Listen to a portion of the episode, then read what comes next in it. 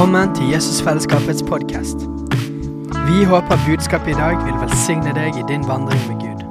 Og om du vil ha mer informasjon om menigheten, kan du gå inn på jesusfellesskapet.no.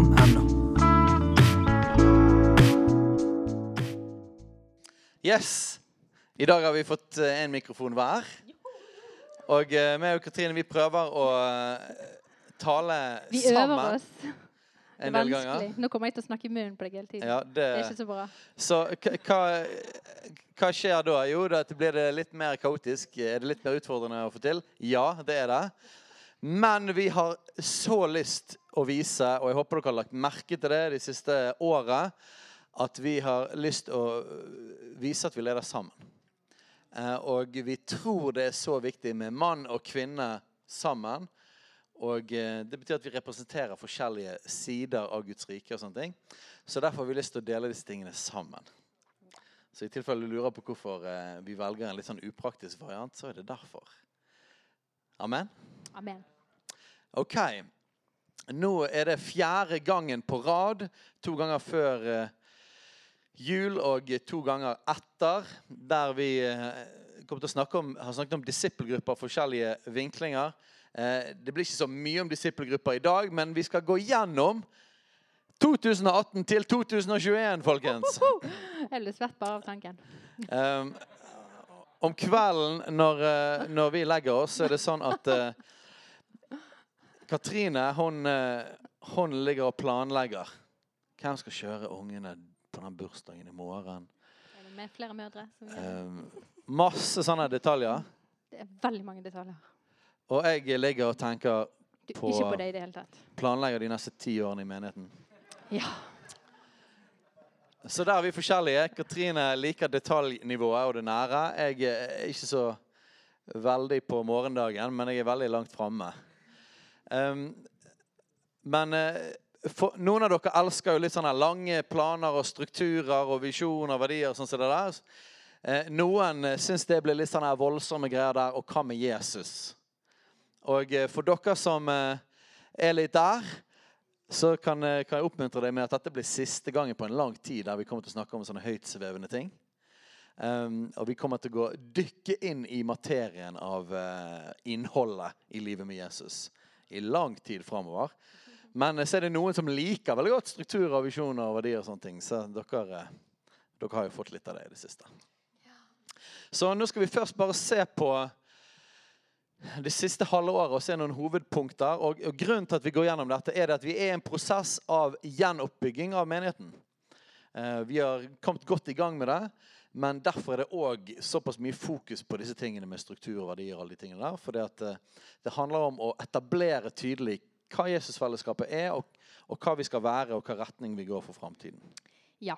Så vi hadde en restart eh, i august 2018. Eh, hvor vi begynte å snakke om kjerneverdiene våre. Sant? Vi hadde sånn DNA-søndager. Husker dere det?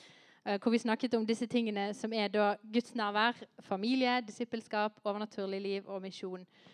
Eh, disse tingene kommer jo vi til å leve i og snakke om hele tiden. Eh, det var viktig for oss å på en måte eh, begynne å på en måte forme, bruke god tid som Steinar sier, på å sette denne strukturen og forme veien vi skal gå videre. fordi at det har vært litt rotete frem til nå. og det har vært ting som vi ikke har vært helt fornøyd med. Men, eh, men å begynne på denne måten gjør at det blir veldig stabilt. Det blir veldig grunnfestet i noe som vil holde, noe som er sunt, sånn som Hilde sier, som er bærekraftig. Eh, og, eh, eller, sant, det var jo mer strukturen, men og, hvor vi da etterpå kan begynne å fylle i Vi skal si litt om det senere, men fylle vin i vinsekken når vi nå har lagd Vi har skapt vinsekken. Nå sa jeg sikkert noe som Steinar ikke ville skulle si. Men sånn er jeg. Jeg hopper i manuskriptet, skjønner du. Um, ja, OK.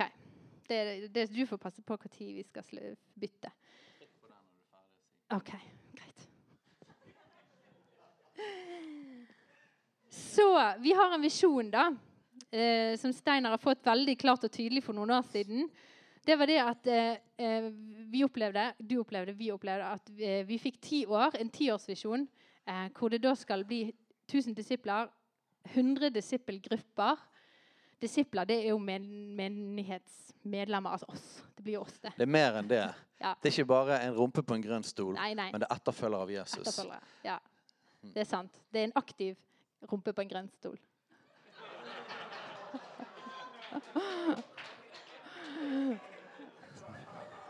Aktiv i etterfølgelse av Jesus. Absolutt.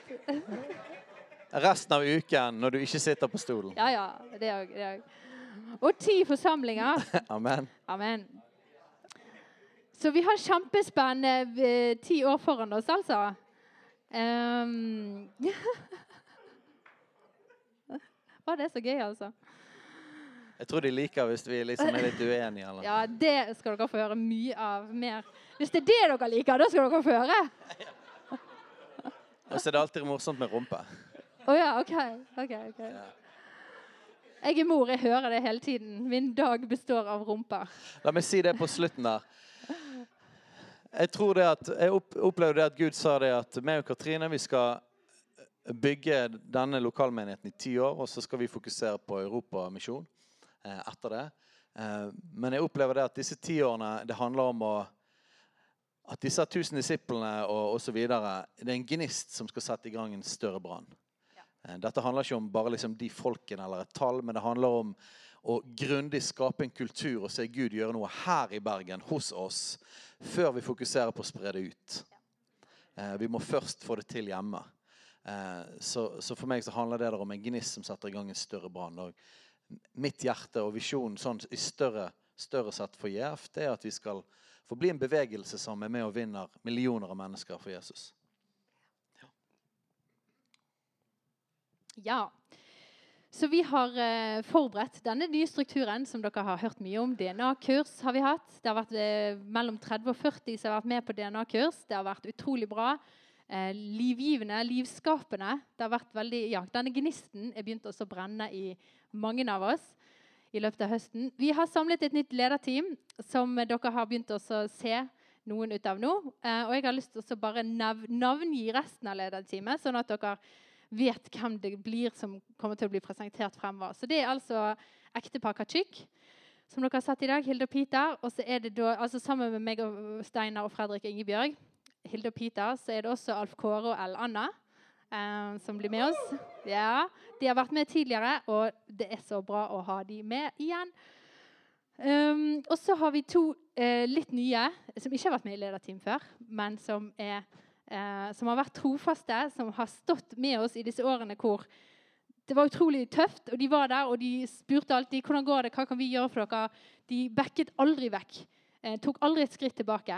Og det er eh, Jørgen Rebekka Diem. Og så er det Patrick og Kristine Wienberg. Så de kommer til å få lov å få mulighet til å komme frem og presentere litt av seg sjøl og hjertet sitt på søndagene fremover. Og 10. februar, når Gordon Hixton er her, så skal vi da sette inn og innvie det nye lederteamet. Så Ja. Og så har vi begynt å snakke om disippelgrupper også litt i høst. Men eh, det som er spennende Ville du jeg skulle si noe mer om dette? Er januar 2019. Dette blir liksom, Nå har vi snakket om det i høst, og nå begynner vi å leve det i januar 2019. Jeg syns dette året er et spennende år. Det er så mye bra som kommer til å skje. Vi begynner med dette nye lederteamet og, og presenterer det, alt dette som jeg nevnte. Vi begynner med DNA-gruppe. Det er de som har vært med på DNA-kurset. Som sa at ok, jeg ønsker å være med i denne gruppen som skal samles en gang i måneden fremover. Uh, uh, så der har det vært jeg vet ikke hvor mange Vi samles annenhver uke. annenhver uke. Jeg kan forklare det. Ja, takk. Disippelgruppene kommer til å være annenhver uke. Og de er åpne for absolutt alle.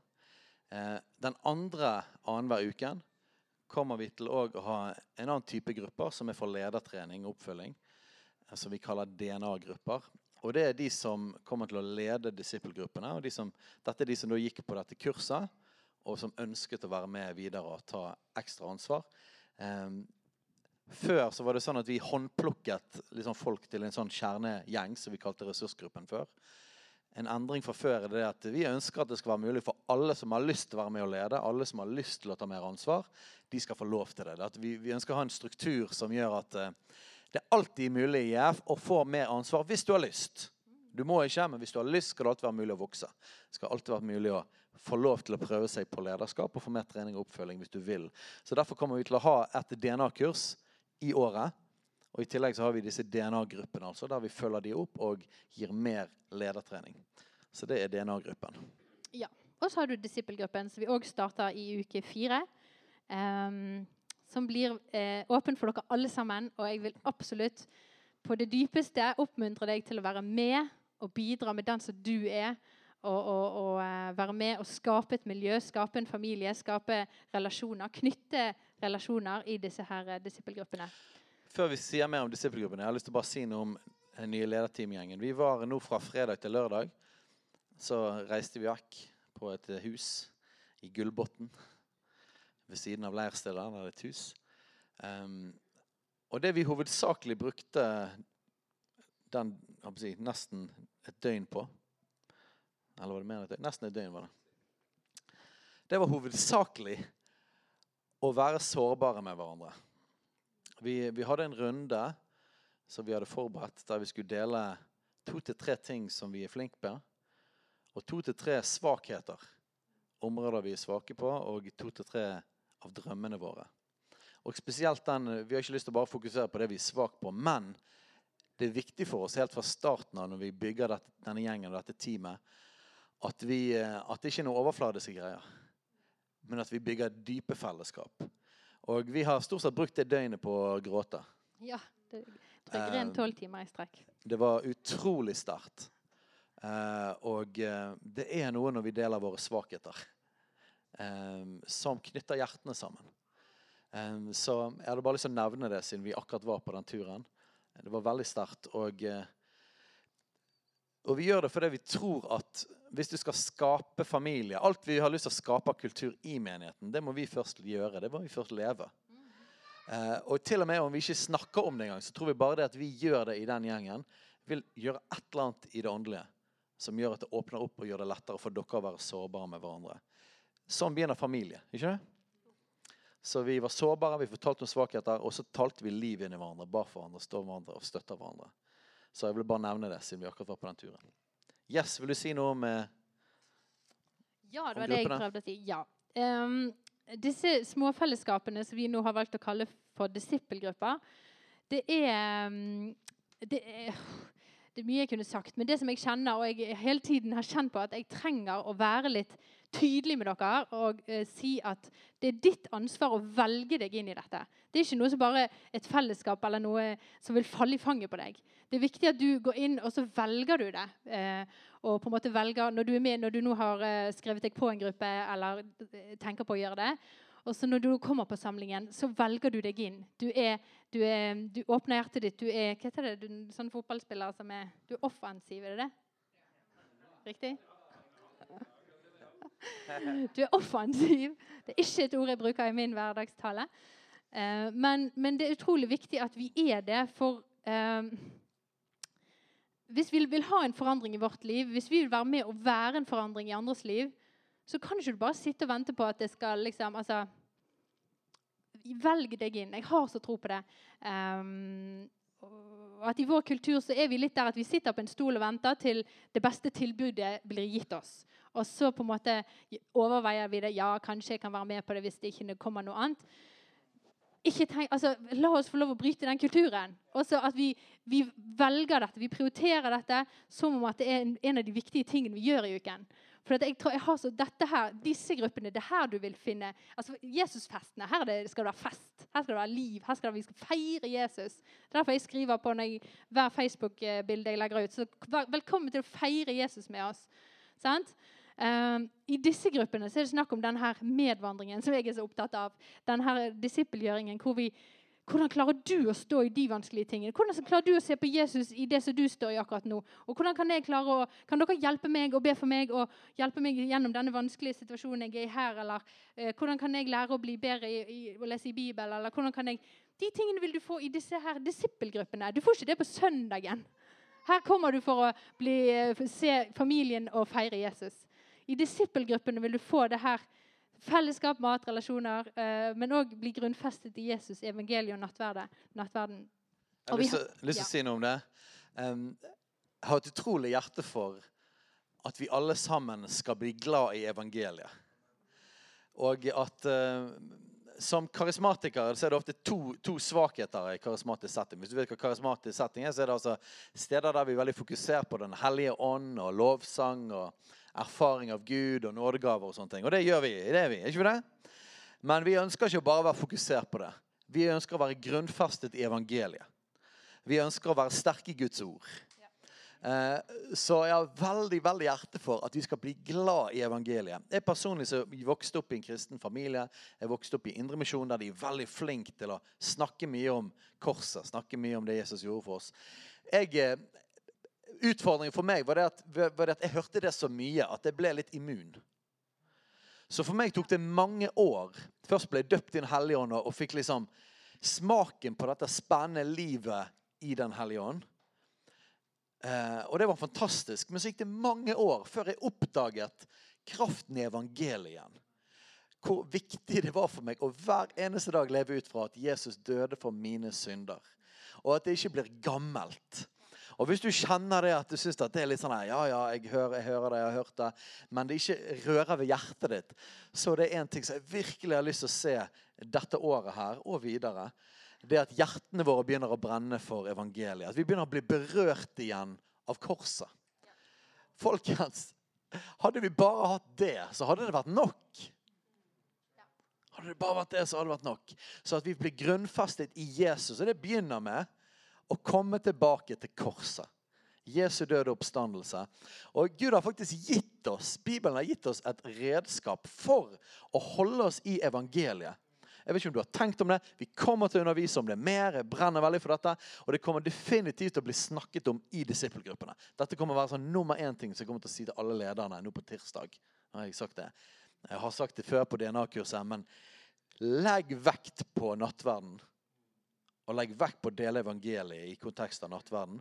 For Jesus har nemlig gitt oss dette redskapet, nattverd, for at evangeliet skal bli forkynt stadig vekk. Jeg skal ikke undervise om det nå, jeg bare slipper den her litt ut. Eh, men nattverdens hovedhensikt er at evangeliet skal bli forkynt igjen og igjen til oss.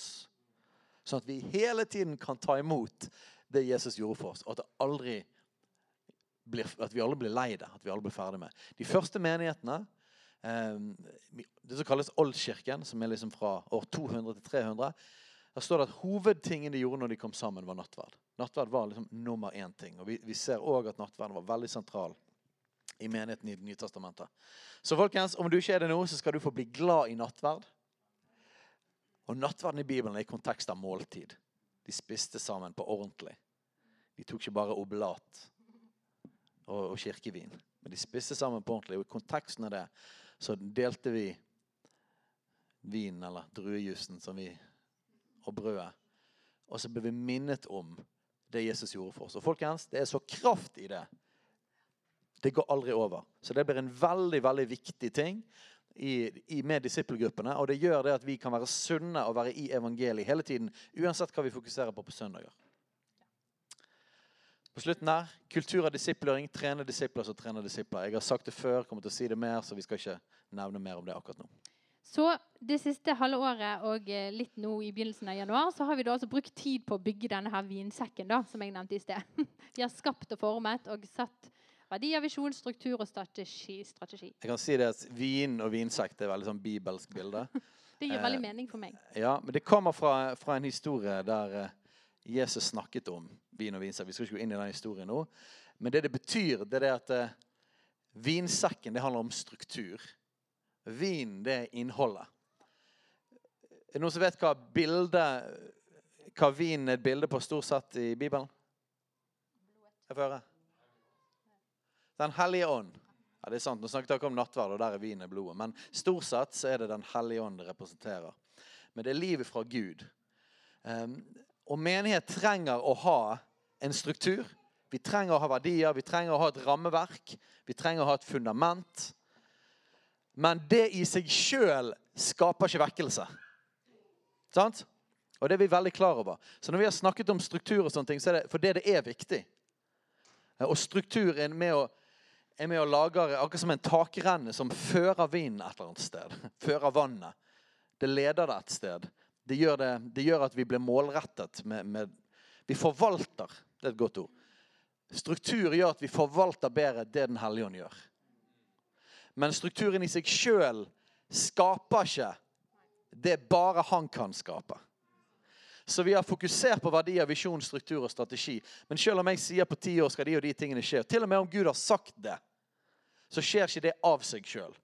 selv om vi har en fin struktur med ledergrupper og DNA-greier, og vi har uh, DNA-kurs og vi har uh, disippelgrupper og vi har fine ting som skal skje på disse Alt det der, det skaper ikke i seg sjøl. Så nå skal vi fokusere på vinen fra nå av. Vi skal fokusere på innholdet av Guds rike. På han personen Jesus, som er den som skaper alt dette her. Så alt dette er bare et fundament. Så vinsekken er til for vinen, ikke omvendt. Skal vi ta resten? Har du noe mer å si før jeg durer på? Veldig glad i dere alle sammen. Ja. Amen. har dere Bibel? Jeg har en liten sånn her drøm, da. Jeg har en liten sånn drøm om at vi skal begynne å ta med oss papirbibler igjen. Jeg vet ikke hvorfor. Det er bare Det bare virker mer skikkelig. Og jeg vet at jeg faller i denne her eh, digitale grøften hele tiden hjemme. Så Hvis jeg sitter med mobilen, så ser bare Katrine at jeg sitter med mobilen. Men det kan jo være alt mulig jeg gjør på den mobilen. Det kan være at jeg snakker med mine venner om andre verdenskrig.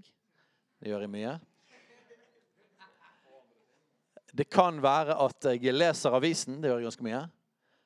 Det kan være jeg leser i Bibelen. Eller det kan være at jeg er på sosiale medier. Ikke så mye, egentlig. Ikke for min del. En hemmelighet fra meg. Jeg er kun på sosiale medier hvis jeg skal spre noe. Jeg er aldri der for å ta imot. jeg vet ikke om dere Nei, jeg skal ikke, jeg ikke inn det. Men jeg blir deprimert mer enn ti minutter på å bare se på alt folk skriver. Vet ikke. Sånn er det. Amen. Jeg velsigner dere. Halleluja. Opp med humøret. Ja da. Ok, Men det hadde vært så herlig med litt sånn fysisk bibelrasling, da. For akkurat sånn som Når Katrin ikke ser hva jeg gjør, så er det sånn at når jeg bare ser masse folk på mobiler, så er det liksom, jeg vet ikke, det er sånn blandet feeling av det. Skjønner dere hva jeg mener? Så jeg aksepterer jo det. Jeg vet jeg leser faktisk mest Bibelen på mobilen òg. Jeg kan ikke vi skal gjøre sånn, eller bare snur mobilen. Men eh, jeg vet ikke. Hvis du hvis du føler for det at eh, bare for å liksom demonstrere på en eller annen måte at vi er i en bibelfattig tid. At vi liksom sånn, vil holde Guds ord høyt.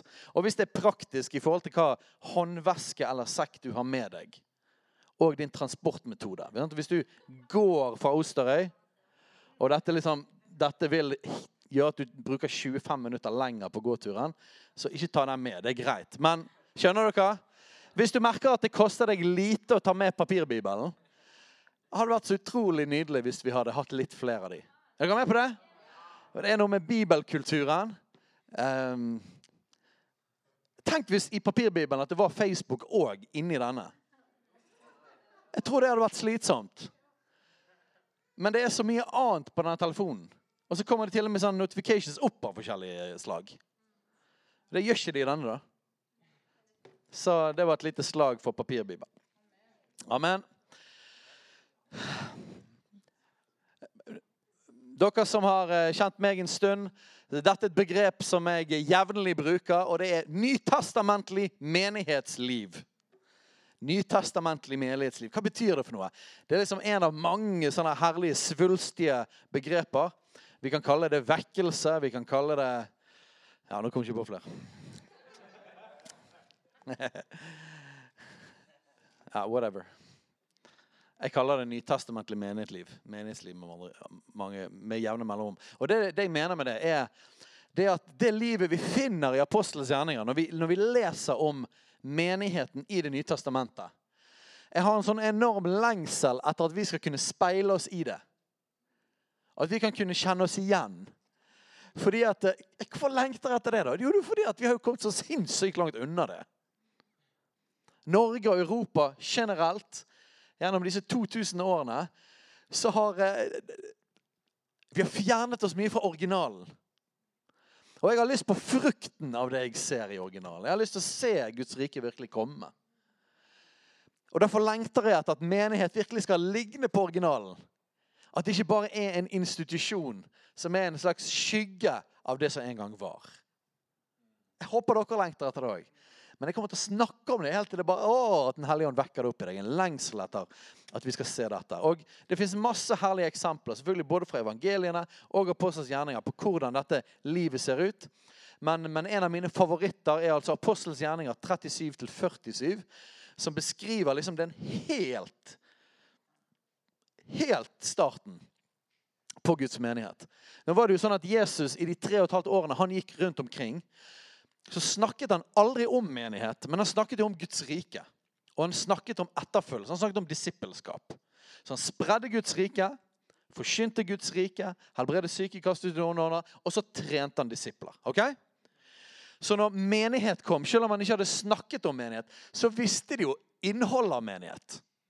For innholdet av menighet var jo det livet de hadde erfart av Jesus. Og nettopp der igjen vil jeg bare understreke hele poenget mitt. Hvis du har struktur av menighet, men du ikke har innhold som ligner på det som Jesus levde i tre og et halvt år. Da kan du kalle det så mye menighet du vil. Og Jeg vet, jeg fortsetter å si dette som kanskje er irriterende for noen. Jesus sa ingenting om at vi skulle holde på med menighet. Han sa vi skulle spre Guds rike. Han sa vi skulle gjøre disipler. Menighet er en struktur for den hensikten. Men hvis vi går vekk fra hensikten, så forsvinner meningen med strukturen. Amen? Så dette brenner jeg sånn for. At, skal, at, dette skal vi kunne kjenne oss igjen i. Heldigvis så ser vi noe av det. Men jeg ser det er så mye mer potensial. Så la oss lese dette en gang til. Dette begynner altså rett etter Peter har forkynt evangeliet på pinsedag. Og Så skal vi spole litt tilbake igjen i kapittel 2 og kapittel 1 etterpå, men vi skal begynne her. Da de hørte dette, altså evangeliet som Peter forkynte, stakk det dem i hjertet. Og de sa til Peter og de andre apostlene, 'Hva skal vi gjøre, brødre?' Peter sa til dem, 'Omvend dere, la dere alle døpe på Jesu Kristi navn til syndenes forlatelse.' Så skal dere få Den hellige ånds gave. Hva ser vi her? Vi ser en evangelieforkynnelse som stikker i hjertet. Hører du det? Ikke som klør i øret. Det er et begrep i Bibelen på noe som er behagelig. Jeg syns ikke klø i øret er så behagelig, men eh, det er det det betyr. Ja, det er noen liker at det klør i øret. Jeg vet at uh, samfunnet sier at vi ikke skal bruke q-tips i øret. Jeg står imot det. Så for de som er noen som liker q-tips opp med hånden. Ja, det er flertall, faktisk. Så dette er liksom uh, Istedenfor klør i øret, da, så bare en skikkelig god q-tips etter du har dusjet. Mm. Det var litt gross for noen, kanskje. Men eh, det dette begynner med, er altså at evangeliet er forkynt som ikke bare som en god q-tips, men som stikker i hjertet. Hva betyr dette stikker i hjertet? Det betyr at det, det gjør noe. Det, det, det fremkaller en reaksjon. Og hva er det de sier? Hva skal vi gjøre? Hva skal vi gjøre? Så et evangelium som virkelig forkynt, sånn som i Det nye testamentet, det stikker i hjertet, og det skaper noe.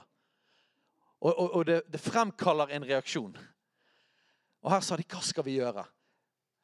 Og Peter sa Oi, det er så vanskelig å ikke undervise alle disse tingene, men det skal vi nemlig gjøre i to år nå. Det kommer jeg til. Dette er bare overskriften, men det er vanskelig å holde seg unna. altså. Oh, Jesus. Men det han ikke sa, var 'bøy hodene og rekk opp hånden din'.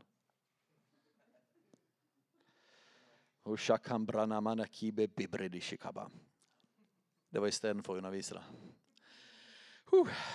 Det var vanskelig. Vi kommer til det seinere. Men han sa omvend dere. La dere døpe til sinnes forlatelse, så skal dere få Den hellige ånds gave. Dette og det som har med tro å gjøre, er det som jeg pleier å kalle frelsespakken. Eller nytestamentlig omvendelse. Nytestamentlig frelse.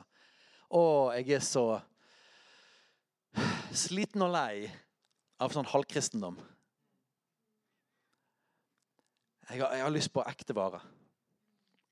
Og måten å virkelig komme inn i det er gjennom at man virkelig blir frelst. Sånn som man ble det i Det nye testamentet. Ikke sånn halvfrelst som vi ofte opplever i vår tid. Et, et, et evangelium som stikker i hjertet. Og når folk sier 'hva skal vi gjøre'? Vend om. La dere døpe, så skal dere få Den hellige ånd. Ok. Mer om det en annen gang. For løftet tilhører dere og deres barn og alle som er langt borte, så mange som Herren vår Gud kaller til seg. Og også med mange andre ord vitnet han, og han formante dem og sa:" La dere frelse fra den vra denne vrange slekt! Utropstegn. Så her er det evangelieforkynnelse med Susi. Er du klar over det? Et lite ord til fra evangelieforkynnelsen. Vil dere lese hva han sa rett før de, de sa det stakk i hjertet? Det står i vers 36. Så skal det da hele Israels folk vite for visst at Gud har gjort han både til Herre og Messias, denne Jesus som dere korsfestet. Han snakket altså til de som var i Jerusalem i påsken. Hvem var det? Det var de som ropte 'korsfest'. Ikke? Det var de folkene. Og Jeg har så tro på Guds kjærlighet, og vi skal snakke masse om Guds kjærlighet og Faderen som elsker oss. Men i konteksten av evangeliet så sa ikke han Faderen elsker dere. Bøy hodet og rekk opp en hånd. Han sa dere korsfestet Jesus. Vend om. Halleluja. Vi trenger, vet du hva, Gud er så god. Han elsker oss så høyt. Og det er en løgn at vi får erfare Guds kjærlighet. Altså, det er en løgn at vi får, her, får, får, erfare Guds kjærlighet, og at det ikke fører til etterfølgelse. Og det er òg en løgn at ikke etterfølgelse av Jesus ikke er koblet med Guds kjærlighet. Å, vi skal se mer av begge deler, altså. Guds kjærlighet utøst i våre hjerter ved Den hellige ånd seg oss sitt. Virkelig komme dypt i vår identitet med at Faderen elsker oss. Og så overgi hele vårt liv og følge han. For det er det beste livet han har for oss. Men nytestamentlig kristen menighetsliv betyr altså et tydelig evangelium. Og det betyr ekte, grundig frelse. Og så står det i vers 41. De som nå tok imot hans ord, ble døpt, og den dagen ble det lagt til omkring 3000 sjeler. Det første de gjorde, var å bli døpt. Og så står det dette er det første som står om denne gjengen etter de ble frelst. Å, Jesus. Jeg vet ikke hvor mye erfaringer dere har med det. Men i vår del av verden er dette en av de største sykdommene, tror jeg, når det, når det gjelder evangelieforkynnelse og evangelisering. Vi forkynner evangeliet. Vi forkynner et, ofte et halvt evangelium, eller et 75% evangelium, som ikke stikker i hjertet. Og så istedenfor å virkelig ta det gjennom fullt, så ber de en kort bønn. Og hva er det som skjer etterpå? Er det noen som har oppdaget det? Dette er en epidemi i menigheten i Europa. Nei, De tar ikke telefonen når du prøver å ta kontakt med dem. Eller sånn som jeg var på en en eller annen kampanje og skulle være sånn som fulgte opp folk. Det første de gjorde etter å ha bedt en frelsesbønn, det var å lyge om hva de het, og hva nummer, telefonnummeret deres var. Det er ikke omvendelse, er det det? Hvordan skal vi få nytestamentlig menighetsliv hvis ikke engang vi forkynner evangeliet og tar folk inn i riket på bibelsk måte?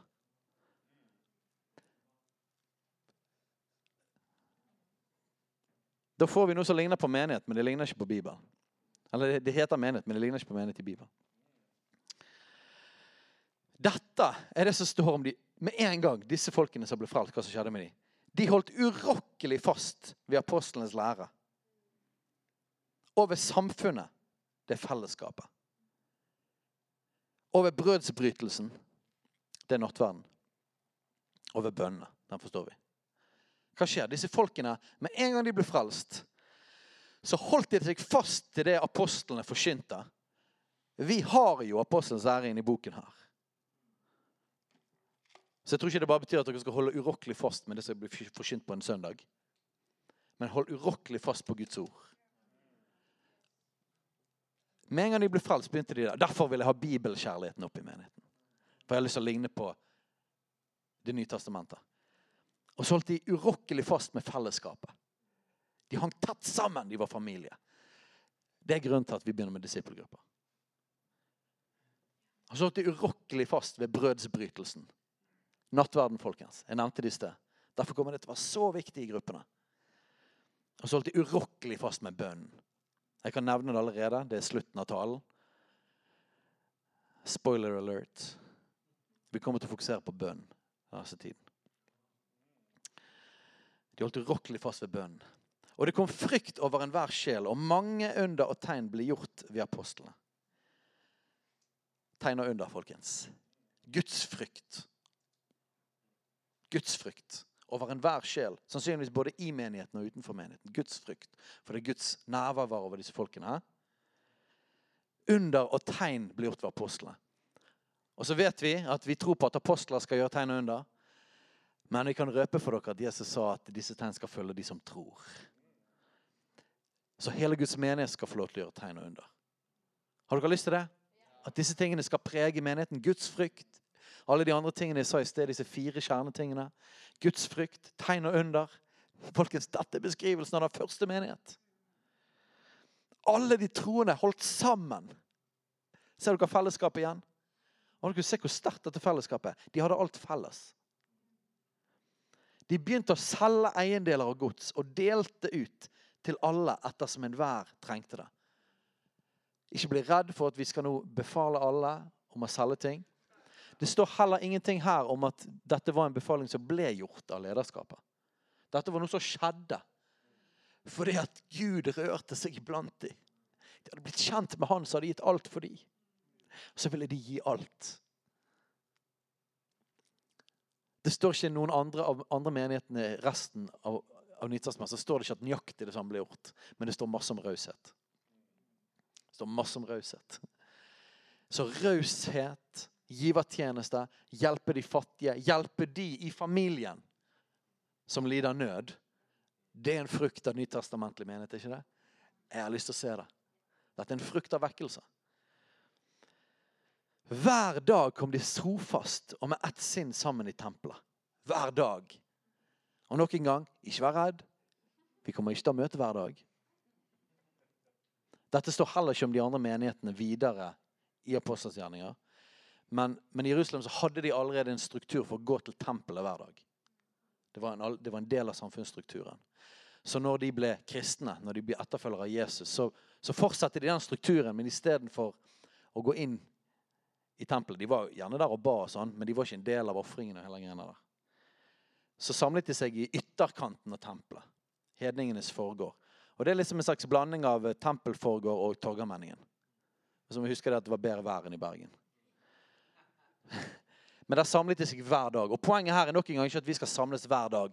Men i vår individualistiske tid så er det liksom sånn her Ja, jeg kan presse inn et møte her og der. Men det, nytestamentlig menighetsliv betyr at de var familie til en sånn grad. Fellesskap var så viktig for dem at de, de var mye med hverandre, folkens.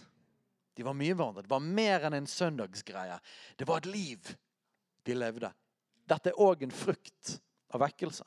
Dette er òg en frukt av det vi kan kalle nytestamentlig meningsliv. Jeg drømmer om å se det iblant oss.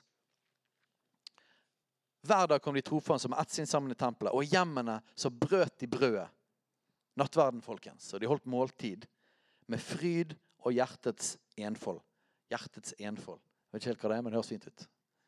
De var glade og enfoldige. Men de samlet seg i hjemmene, i tillegg til at de møttes på tempelplassen. For mindre fellesskap. For det er begrenset hvor mange du får inn i et hus. ikke? Så de var alle sammen på tempelplassen. Men var, der var jo tusenvis. Men så samlet seg òg i hjemmene for nærere fellesskap.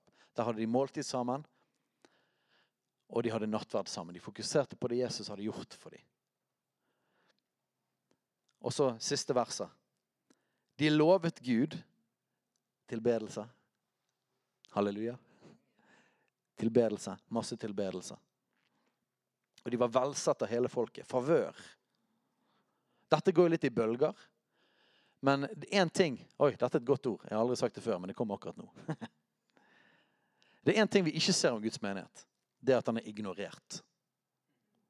Det er kun to tilstander Guds menighet er når jeg leser gjennom Apostelens gjerninger. Det er enten favør eller forfølgelse. That's it. Enten så har alle enorm respekt for dem, det er gudsfrykt, og de bare wow, de folkene der. Eller så blir de forfulgt. Fengsel og drap og tortur. La oss ikke settle for noe mer, noe mindre enn en av de to. Det er greit med forfølgelse, men bli ignorert er ikke greit. Vi er ikke nytestamentlig menighet om vi er ignorert. Amen? Så forfølgelse eller favør? Favør er veldig fint. Vi går for den først. Det var det de fikk først. Så får eh, Gud og djevelen ta seg av det med forfølgelse.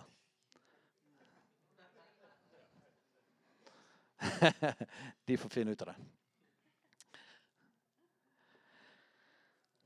De var velsatte, hele folket. Og Herren la hver dag dem som ble frelst, til menigheten. Hva er det som skjer? Frukten av dette livet de har iblant deg, gjorde at folk ble frelst hele tiden. Nye folk ble frelst hele tiden. Hver dag ble nye folk lagt til. Folkens, dette drømmer jeg om for Jesusfellesskapet. Jeg drømmer om det for hver eneste annen menighet òg. Men vi må, vi må, fokusere og begynne på rede vårt eget uh, leie. Nei, jeg prøvde meg på et uttrykk her, men Vi må fikse vår eget først. Må ikke vi det? Vi må ta ansvar i vårt eget liv først. Så derfor drømmer jeg om det for Jesusfellesskapet. Så alt dette her er det som jeg vil, vil kalle et nytestamentlig menighetsliv. Dette, dette, er det jeg drømmer om. Og Jeg ber om det, og eh, jeg har lagd en, eh, noe som jeg kaller en disippelsyklus. Og hva er det for noe rart? Men Det er basically innholdet av disse tingene her men òg et ekstra fokus på identitet, for det er utrolig viktig. Som, eh, som jeg ønsker at skal være en syklus i disippelgruppene gjennom år etter år. Der vi fokuserer på masse av disse forskjellige tingene her. Og at det blir en del av livet vårt. En veldig bra ting. Jeg holder også på å lage en, en undervisningsplan for disippelgruppene. Og ikke vær redd hvis du syns dette blir litt vel mye struktur. Det er veldig enkle ting. Simple ting og det er sånn at Hvis Den hellige ånd gjør et eller annet uh, spesielt, så er det ikke sånn at vi, vi kommer aldri til å bli superstrukturnazi. Men det kommer litt mer strukturting. Men det er en hjelp til at dette livet skal komme fram. Okay? Uh, og jeg har lyst til at vi skal være strategisk med, med, med, retningen vi går i. Vi ønsker nytestamentlig meningsliv. Vi ønsker disippelliv. Okay? Så jeg holder på å jobbe med de tingene. Og midt inni dette her så hadde vi nå en, eh, en, en bønn- og fastedager og noen av dere som var med på det. Det var fantastisk. Og eh, Vi hadde det sånn fra, fra ni om morgenen til ni om kvelden tre dager på rad. Og så, og Det er kjempelenge siden folkens, jeg har fastet. Men endelig var det mulighet til liksom, endelig var det liksom, ok, det er tid for å faste igjen. Og Det er sånn frisk, friskmeldingstegn, syns jeg. Eh, du må ikke faste masse, men eh, Oi. Europa skal bli frelst. Det er påminningen vår. Etter Ben Fitzgerald har vært der, så får sikkert alle sånn. Det blir veldig slitsomt.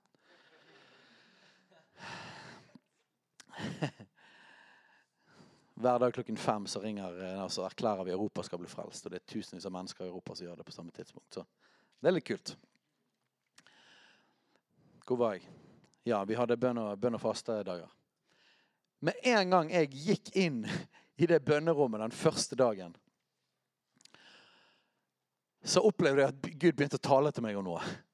Og dette er ting som jeg kan egentlig, og jeg tror du kan det. og Det var ikke noe nytt, men jeg har vært veldig fokusert på det. har vært rett, og det var Den hellige ånd som har ledet meg til det. Jeg har vært veldig fokusert på verdier og visjon og struktur og hele disippelgjøringskultur. Kunne skape det og struktur på det. og Nytestamentlig menighetsliv og disippelgjøringsmanual og alle de tingene. Sant? Jeg har vært veldig fokusert på det. Det er helt superbra. Det er veldig, veldig bra.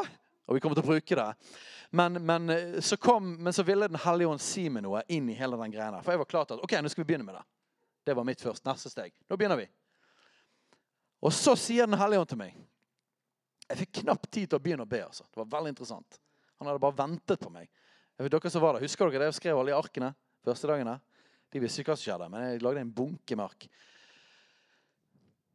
Han sa til meg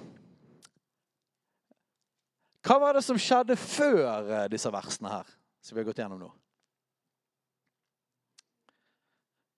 Jeg bare, ja, det var, eh, men jeg, altså, Peter forkynte evangeliet. Han sa at eh, hvis du skal Hvis, du skal, hvis dere skal se Apostels gjerninger 2.37-47, så, så må dere gjøre det som skjedde før. Forkynne evangeliet. Ja, men Gud, bra. Og så sier han Hva var det som skjedde før det? Hvis dere skal se eh, evangelieforkynnelse av kraft og stikk av hjertet og et nytestamentlig menighetsliv, så må du se på hva som skjedde før det. Hva skjedde før det? Pinsedag, Den hellige ånd falt. Utøselse av Den hellige ånd. Amen. Så bra. Og så sa han hvis du vil ha det, så må du se på hva de gjorde før. Hva var det de gjorde før? Vi kan slå opp i Apostelens gjerninger, kapittel 1.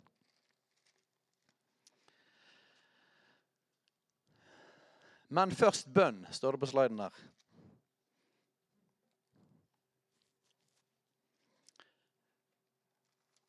Vi kan begynne i vers 3, da, for å se konteksten. Dette er helt på slutten av når Jesus er på jorden. For dem, for, de fremst, for dem fremstilte han seg levende med mange beviser etter han hadde litt. I 40 dager viste han seg for dem, og han talte om det som hører Guds rike til. Da, da han var sammen med dem, bød han at de ikke skulle forlate Jerusalem, men vente på det som Faderen hadde lovt.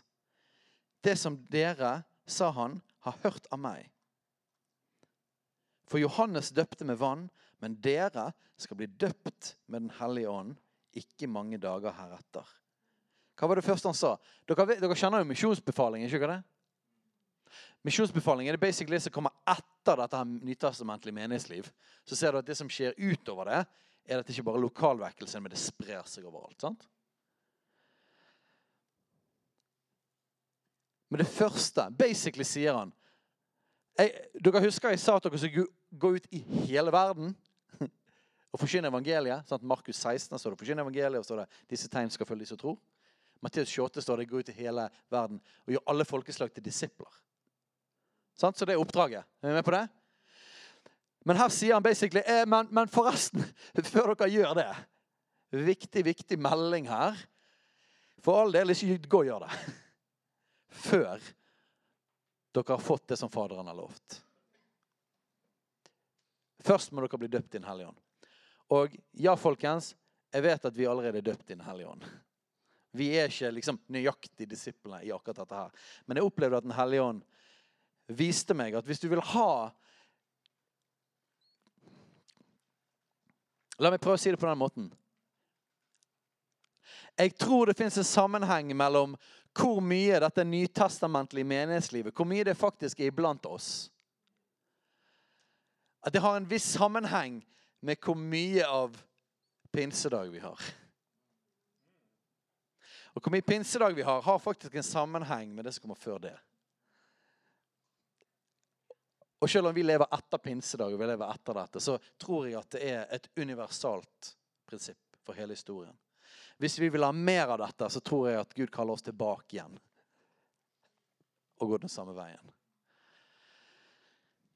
Her står det litt forskjellig om dåpen Den hellige ånd, bl.a. et kjent vers i vers 8. Men dere skal få kraft idet Den hellige ånd kommer over dere. Og dere skal være mine vitner både i Jerusalem, Judea, Samaria, likt jordens ende. Her ser vi sammenhengen mellom dåpen Den hellige ånd, bli fylt av Den hellige ånd, og misjon. Ser du det? Yes, det vet vi. Men dette var egentlig hovedverset som jeg kjente på for Jesusfellesskapet. Vers 14. Alle disse Dette var disiplene, apostlene og noen, en gjeng med damer. Vi må ha damer og menn. Amen. Alle disse holdt sammen og var utholdende i bønnen. Det var den. Alle disse var sammen, og de var utholdende i bønnen. Jeg tror at Gud ønsker at vi skal gå dypere inn i bønn. For at vi skal få se en større utøselse av Den hellige ånd. Og en større utøselse av Den hellige ånd viser både Bibelen, men jeg har opplevd Den hellige ånd leder til det for akkurat nå. er det som vil kickstarte det som jeg kalte denne syklusen, disippelsyklusen. Eller kickstarte dette med at dette nytestamentlige menighetslivet blir en del av oss. For vi får ikke det til sjøl. Vi gjør ikke det. Vi får ikke det til sjøl. Alle disse holdt sammen og var utholdende i bønnen. Og så ble det utøvelse av Den hellige ånd. I dette tilfellet så ba de i 50 dager. Eller var det 50 dager etter Jesus sto opp igjen? Ti dager. Ja, det var 40, og så var det ti dager de ba. I dette tilfellet ba de ti dager. Jeg opplever at Gud leder oss til at vi skal gå inn i bønnen, men han har ikke sagt hvor lenge vi skal holde på. Og det sa ikke han her heller. Han bare sa 'vent til det kommer'. Det er én ting som uansett hva vi gjør i Guds rike, så det er én ting som vi aldri kan bomme på, og det er å søke hans ansikt. Det finnes masse andre gode ting som han er veldig for. Men, men, hvis vi gjør det, så kan det være at det ikke var rett sesong, eller det var ikke rett fokus, eller det var ikke liksom akkurat det vi skulle gjøre nå, eller det ble litt for mye av det. Men det er én ting som ikke går ikke, det går ikke an at det blir for mye av det. Det er å søke hans ansikt. Så det er en så trygg start. Så nå har vi snakket om masse struktur, alt det der. Det er rammeverk. Det er fundament. Men nå folkens, skal vi begynne å fokusere på det reelle innholdet av alt sammen. Og da begynner alt med å søke hans ansikt. Og når jeg snakker om bønn her, så snakker jeg om bønn i vid forstand. Det betyr selvfølgelig forbønn. Det betyr å be Gud om å komme med sin ånd. Men det betyr også tilbedelse. Det betyr også å være i hans nærvær. Det betyr å søke hans ansikt. Det betyr, det betyr lengsel. Mer enn noe annet så tror jeg bønn er å posisjonere seg for at han skaper lengsel i oss. Og når han skaper lengsel i oss, så drar det oss inn lenger i bønn. Og når vi blir i den dynamikken, at han vekker mer og mer lengsel, og så ber vi den lengselen mer og mer ut bare, Gud, kom! Så er det noe som skjer i oss. Vi Vår fokus blir klarere. Og vi begynner å si sånne ting som Gud, jeg vil leve for deg helt. Gud, jeg har lyst til å jeg har lyst til å komme dypere i ditt ord. Gud, jeg har lyst til å leve hellig. Gud, jeg trenger deg. Og så videre. Alle disse tingene kommer når vi er i den posisjonen. Vi søker hans ansikt når vi ber. Og jo dypere vi går inn i den, jo mer posisjonerer vi oss for at Den hellige ånd blir mer utøst. Du kan ta neste slide. Ja, neste igjen. Så i 2019 til 2021, folkens Det er lang plan. Så kommer vi til å gå gjennom apostelens gjerninger én til to skritt for skritt. Hva betyr det? For det tar ikke to år å lese dette. Det klarte jeg nå. Det er heller ikke nok skriftmateriale til, til to års forkynnelse. Det det betyr, at, jeg, eh, at vi skal gå gjennom dette skritt for skritt som en, eh, som en, reise. Som en mal. Og Vi kommer nok til å lese dette masse ganger, men det handler mer om denne reisen. Først søke hans ansikt. Så se at han utøser sin ånd mer over oss. Og så gå skritt for skritt gjennom dette som Bibelen beskriver som nytestamentlig menighetsliv. Ikke for å gå gjennom det bare for å lære det, for det tar kort tid. Det er derfor det står to år. Gud kan for, Gud kan si liksom, nei, nå er det nok av dette, gå videre. Det går, det går fint. Men ikke før disse tingene har begynt å skje. Eller han kan si 'hold på lenger'. Det er òg greit. Så ikke heng dere opp i en til to år. Det det betyr, er vi skal bruke lang tid på dette. Og vi skal ikke bare snakke om det. Jeg har lyst til å se det skje på ordentlig. På skikkelig, altså. Derfor begynner vi i bønn. Det begynner i bønn, folkens. Alt begynner i bønn. Så den neste tiden minst en måned. Godt mulig lenger. Så kommer fokus til å være bønn. Søke hans ansikt. Komme dypere i relasjon. Erfare hans godhet og kjærlighet enda mer. Resette vårt liv med Jesus. Den hellige ånd til å vekke opp lengsel i oss. Hvis du ikke lengter, be om lengsel. Og lengsel blir skapt. Og lengsel er som en katapult inn i mer bønn. Og folkens, hvis vi velger å gå den veien og Jeg kommer ikke til å tvinge noen til å gjøre dette, men jeg vet at jeg kommer til å gjøre det, og mange av oss kommer til å gå og fokusere i den retningen. Så kommer Den hellige ånd til å vekke opp dette i flere og flere av oss. Og eh, Jo dypere vi går inn i det, jo mer posisjonerer vi oss for Den hellige ånd blir utøst over oss på nytt. Ja, vi er etter pinsedag. Ja, jeg er døpt i Den hellige ånd og taler i tunge allerede. Men folkens, det livet som blir beskrevet i Apostelens gjerninger, det som blir beskrevet at dåpen Den hellige ånd faktisk gir Jeg vet ikke med dere, men jeg har ikke fått hele pakken. Jeg har ikke fått hele pakken. Jeg har fått en bit av det. Men vi trenger mer. Så i Jesu navn vil jeg bare innvie denne reisen.